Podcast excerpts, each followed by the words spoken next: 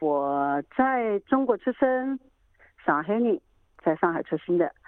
小学没毕业的时候，是四年班的时候吧，就到香港去了。呃，然后在香港住了十年呗，在在香港长大了，可以这么说。呃，然后到澳大利亚之后就一直在澳大利亚了。那您来的时候有多大呢？呃，二十左右。二十左右。哎。当时来澳大利亚是做什么呢？我们是移民来的，但是移民申请了很久，蹉跎了很多时间才来到这里。嗯，呃，那您当时觉得这边的西人、这边的澳洲人对您友好吗？一般的就是很友好，偶然都会碰到一些不友善的。嗯。呃，还是比较少。那些不友善的人呢？呃，那个时候在在这 city 啊。离 city 在走路时会碰到有些人会会用一些侮辱的字语来骂你们中国人啊，不是常的，常常会碰到。当当然，但是碰到呢就很气哦。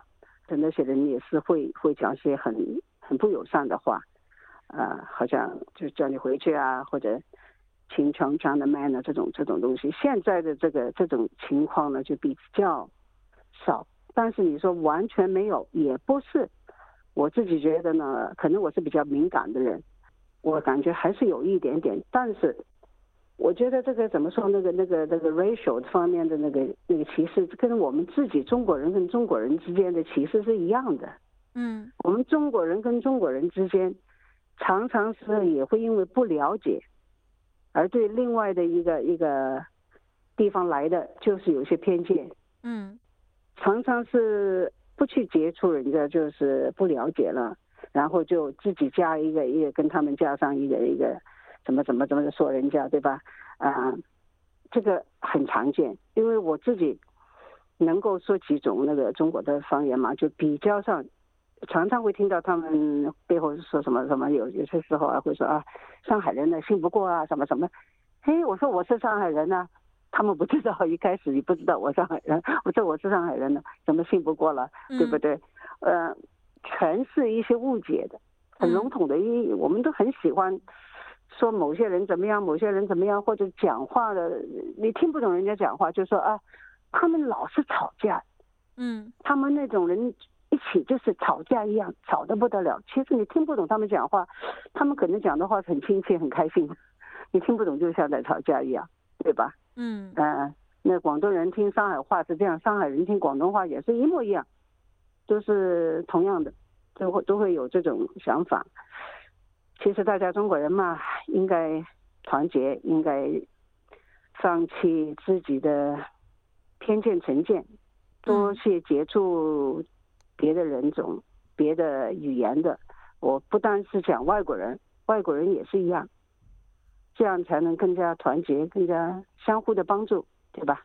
嗯啊，尤其是我们中国人，呃，来这里了，既然来了澳大利亚，你应该尽量的融入这个澳洲的社会，对吧？是。但是呢，呃，很多人呢，他们就是可能也是没这个机会啊，不能够融入一个当地的社会。这这一点呢，希望能将来的澳洲。能够做得更好，就是更多点这种场合吧，让一些呃各地来的人都能够相互了解一下。嗯，这个很重要的，我觉得很难。就是看 Melbourne 吧，你去到到那个 Box Hill 的 Shopping Center，嗯，Box Hill 那里是华人很多很多啦，啊，买房买东西非非常方便啊，什么的很好，但是很少澳大利亚的本地人，有的时候我看到他们对吧？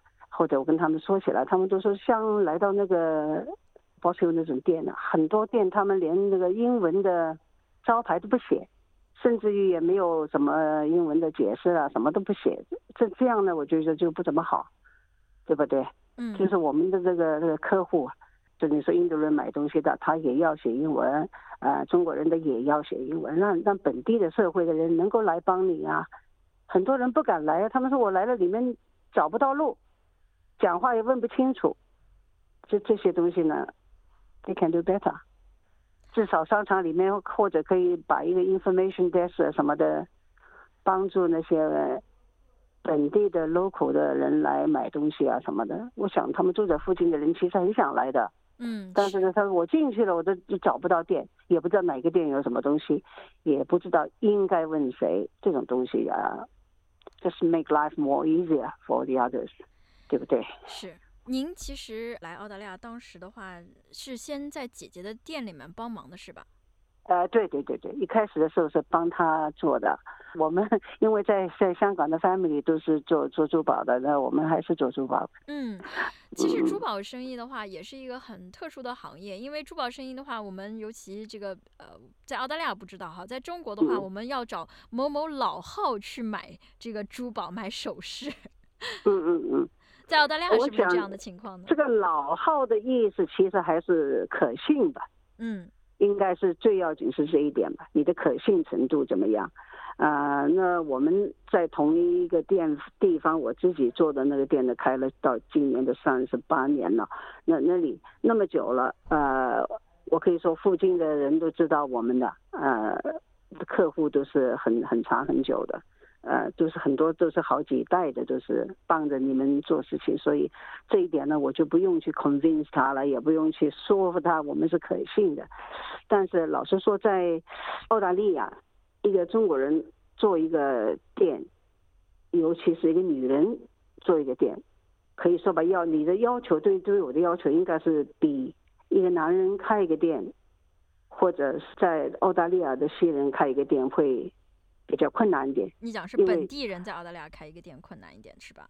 呃，稍微困难点，因为你你我的客户不是中国人，对吧？嗯。你要让他们要信任你。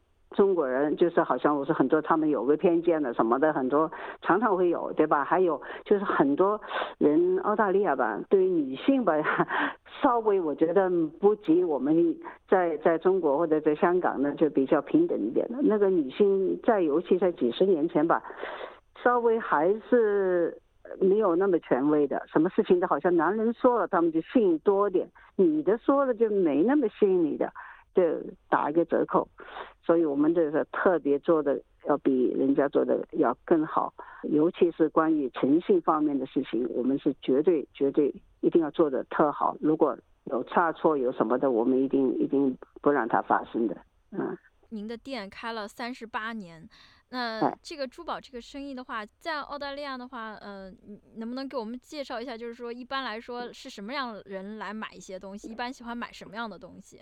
那个澳大利亚人呢，就是我我们说这里的西人啊，他们的东西并不一定非常贵重，他们的主要买东西呢是送礼的，送礼物的，呃，中国人呢就比较看重这个价值投资，嗯，外国人呢就比较注重这个感情方面的事情，就是这是送礼的，对不对？这个人，这个人喜不喜欢这样东西？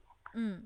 我觉得这个是更像他，他们常常是 more like somebody，就是好像是他他的口味，他他的眼光，配他的衣着，配他的那那个 style 啊，所以你你要看看这些东西更注重。呃，对于价值方面呢，他也不会是奔着说买买个东西完全都不值钱的，乱七八糟给了很多钱，他也不会。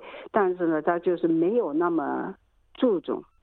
呃，然后他们买的东西呢是非常啊珍惜的，人家送给你的东西，嗯，你是不可以随随便便的转送给别人或者丢了或者弄坏了，他们都会想办法保养，嗯，想办法修理，嗯，呃，我们常常有很多客户拿东西来，呃，就是 grandma 奶奶呀。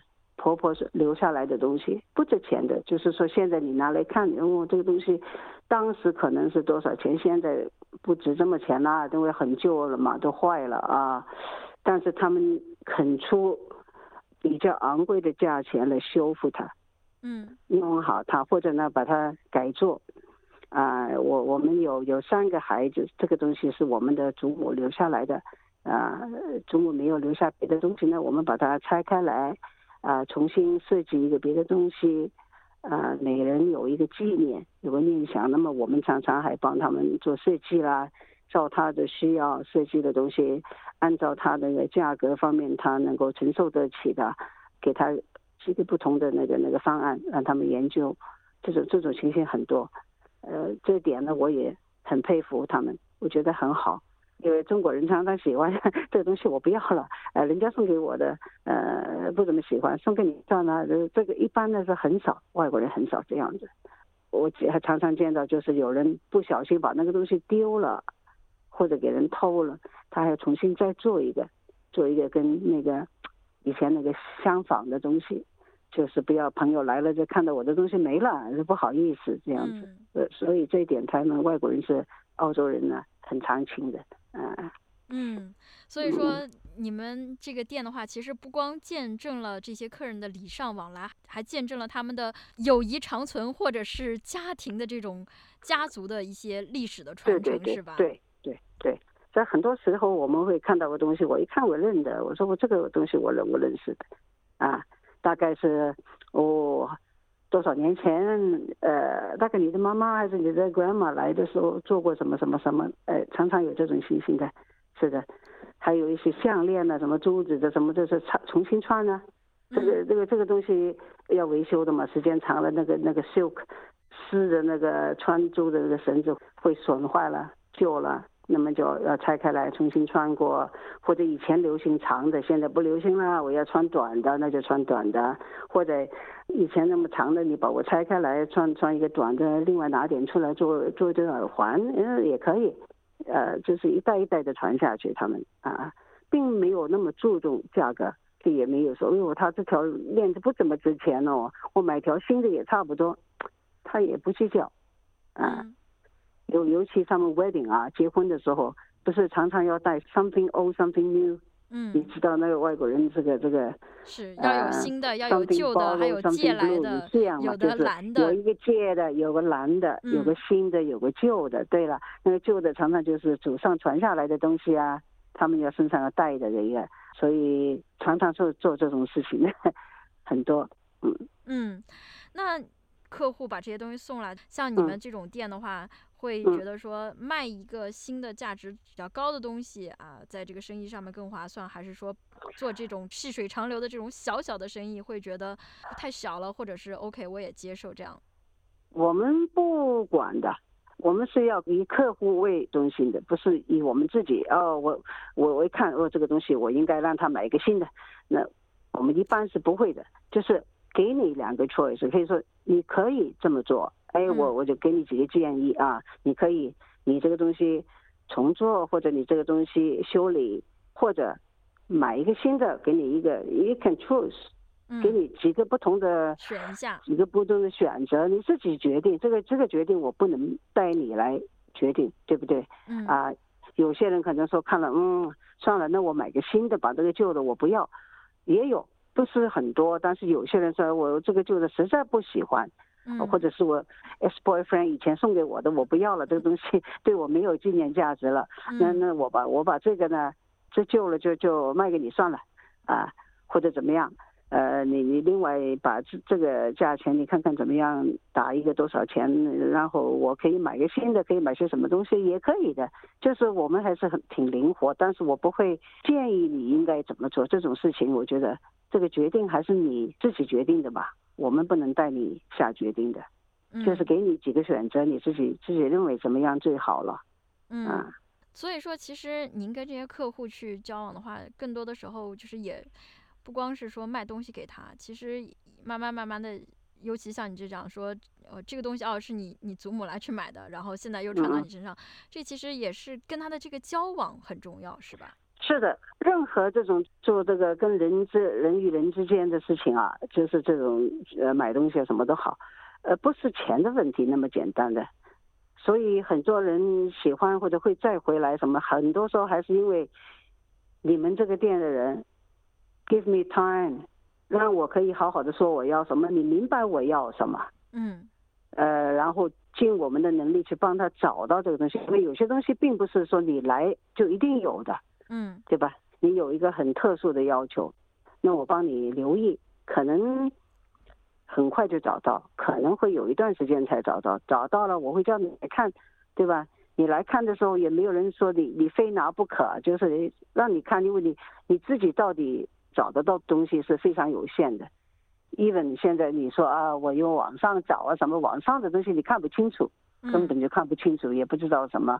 像每一样东西，尤其是那个首饰什么小东西，一定要近距离看，拿在手里才知道的，对吧？嗯。所以这种这种情形我们也有，有的时候有些客人要某一个特别颜色的一种什么样的 stone 啊，要什么形状的呀，要多大多大的呀，呃，并不是要就有，有的时候真的我们澳大利亚也不一定找得到，整个澳大利亚找不到，找不到没所谓的。你说你给我 enough time，因为我们不停的有有别的地方的东西拿过来啊，什么都有的，或者我们出去外面看那些那个。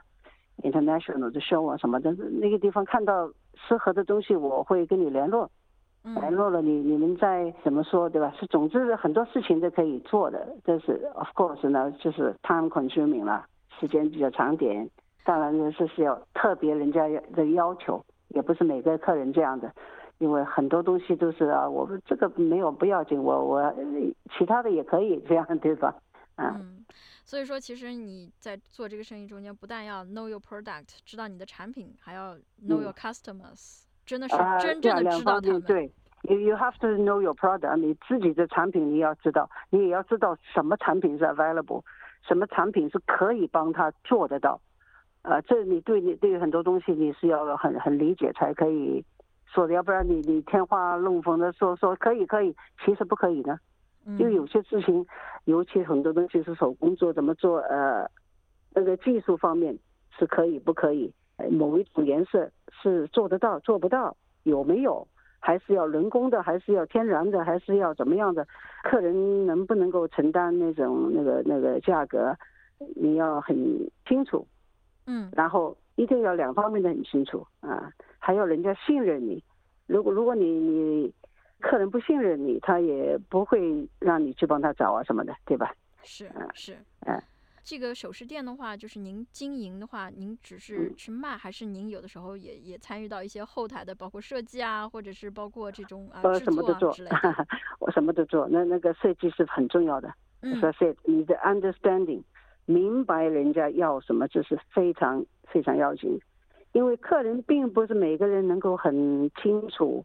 明白的表达他自己要什么的，嗯，听上去应该说也很容易吧，不是很容易的，嗯，很多人讲了很久，你好像听不懂他讲什么的，但是像我们常常就是跟客人那么久，自己很 understand 你的 trade 的人呢，他讲什么，他讲一句话，你马上就明白了，嗯，OK，我我知道他讲什么，嗯，虽然旁边的人可能听不清楚。